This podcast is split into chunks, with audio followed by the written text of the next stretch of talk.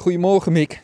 Goedemorgen Laurens. Hou de kikkers eh, springen meteen aan de kant als jij eraan komt. Met je emmer, met je mini-aquariumpje, je schepnet. Hoe heet het ook alweer zo'n mini-aquarium? Ja, een, eh, ah, jeetje, kivet. Cuvette, ja. Cuvet, ja, precies. Het is weer de klepel en de klok. Emmertje vullen met water. Waarom is dat? Ik eh, ga op zoek naar, eh, naar marmerkreeften. Marmerkreeft. Dat klinkt als dure beestjes. Laten we positief beginnen. Ja, dat is ook denk ik het enige positieve eraan, dat het een dure beestjes klinkt. Maar ehm, de marmerkreeft is een eh, Noord-Amerikaanse zoetwaterkreeft eigenlijk. Ze worden niet heel groot en ze zijn herkenbaar aan een hele gemarmerde tekening. En ja, dat zal ik daar wel even laten zien als we er een paar gaan vangen. Maar eh, ja, we zijn dus in de, de Vennen. En eh, in dit soort gebieden leven heel veel amfibieën. En eh, hier kennen we elf soorten amfibieën. Nou, amfibieën die, die gebruiken de vennen om zich voor te planten, om rondom de vennen te leven. Want de vennen zijn van nature visloos, dus geen vissen zitten erin. Er zitten veel planten in en eh, ondiep water wat lekker opwarmt. Dus ideale omstandigheden voor amfibieën. Alleen, ja, wil je eigenlijk voorkomen dat er, eh, dat er predatoren of, of soorten zoals bijvoorbeeld kreeften of vissen inkomen. Alleen, ja, die marmerkreeft die is hier in 2018 gevonden. En ja, dat is eigenlijk een hele vervelende kreeft om in een, een plek als dit te hebben. Het is een eh, niet-Hollands beestje, hè? Ja, hij hoort je niet thuis. Hij komt uit Noord-Amerika.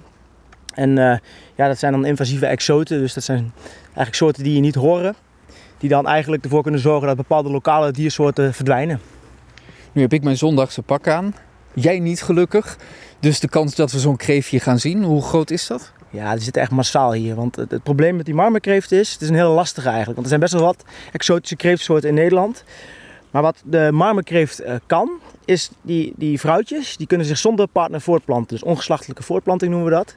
Waardoor als je één vrouwtje in een ven hebt of in een poel, dan kan hij zichzelf al zo voortplanten dat er gewoon een, eh, populatie ontstaat. En daar komt nog bij dat die marmerkreeft eh, echt wel een lastpark is, omdat die ook de kant op kan kruipen.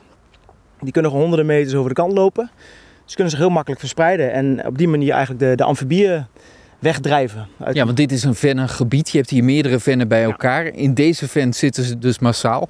En het is dus heel erg oppassen geblazen dat ze niet ook in andere vennen gaan komen en zich verder verspreiden. Ja, kijk, het probleem is, je hebt in, in dit gebied, in de omgeving, zitten populaties van kamsalamanders en eh knoflookpadden. Nou ja, die kamsalamanders kwetsbaar, die knoflookpad zelfs bedreigd. En eigenlijk eh, ja, wil je dus niet dat die marmerkreeft op de plek komt waar die, waar die soorten zitten. Ik zou zeggen, aan het werk. Ja, Laten we zien hoe snel jij eh, zo'n marmerkreeft uit het water weet te vissen. Mick heeft een waadpak aangetrokken en een groot schepnet in de handen. Het is wel vies water qua kleur, zeg. Ja, het is een beetje een drassige bodem. Ja, er zit natuurlijk allemaal blad in enzovoort wat aan het eh, verteren is. Ondertussen.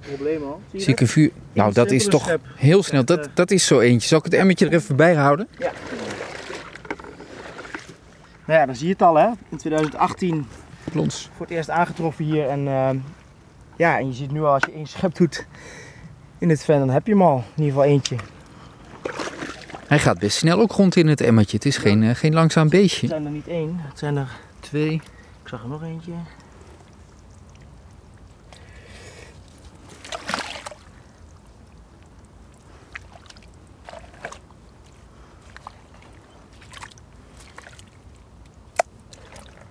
Verstoppen zich goed in het, eh, in het bodemmateriaal.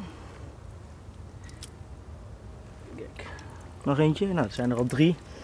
En het was nog geen schep van, ik denk, eh, 30, 40 centimeter door het, eh, het bodemmateriaal. En meteen al drie marmerkreeften. En die willen we hier dus eigenlijk absoluut niet hebben. Nee. Oh, dat is, een, dat is een, Wat is dat? Een heel klein marmerkreeftje, een jonkie. Ja. Je ziet hoe klein ze beginnen, hè? Ja. Dat, eh, Dus ook het voortplanten, dat gebeurt hier gewoon. Dat is Ja, dan ook een conclusie. Dat wist je natuurlijk al. Maar ja, maar in Europa is die soort al langer eh, een probleem op bepaalde plekken.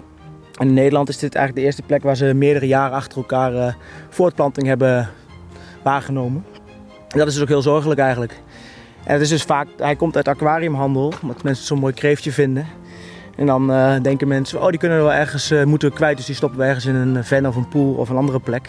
Maar ja, dat kan ze ook problemen veroorzaken. Daar zijn mensen zich vaak helemaal niet bewust van. Ik stel voor dat jij zeg vijf keer schept. En daarna mag je pauze hebben. En dan kunnen we over een uur melden hoeveel dat dan heeft opgeleverd. En dan praten we verder over ja, dit probleem in de Overrasseltse en Hatertse vennen.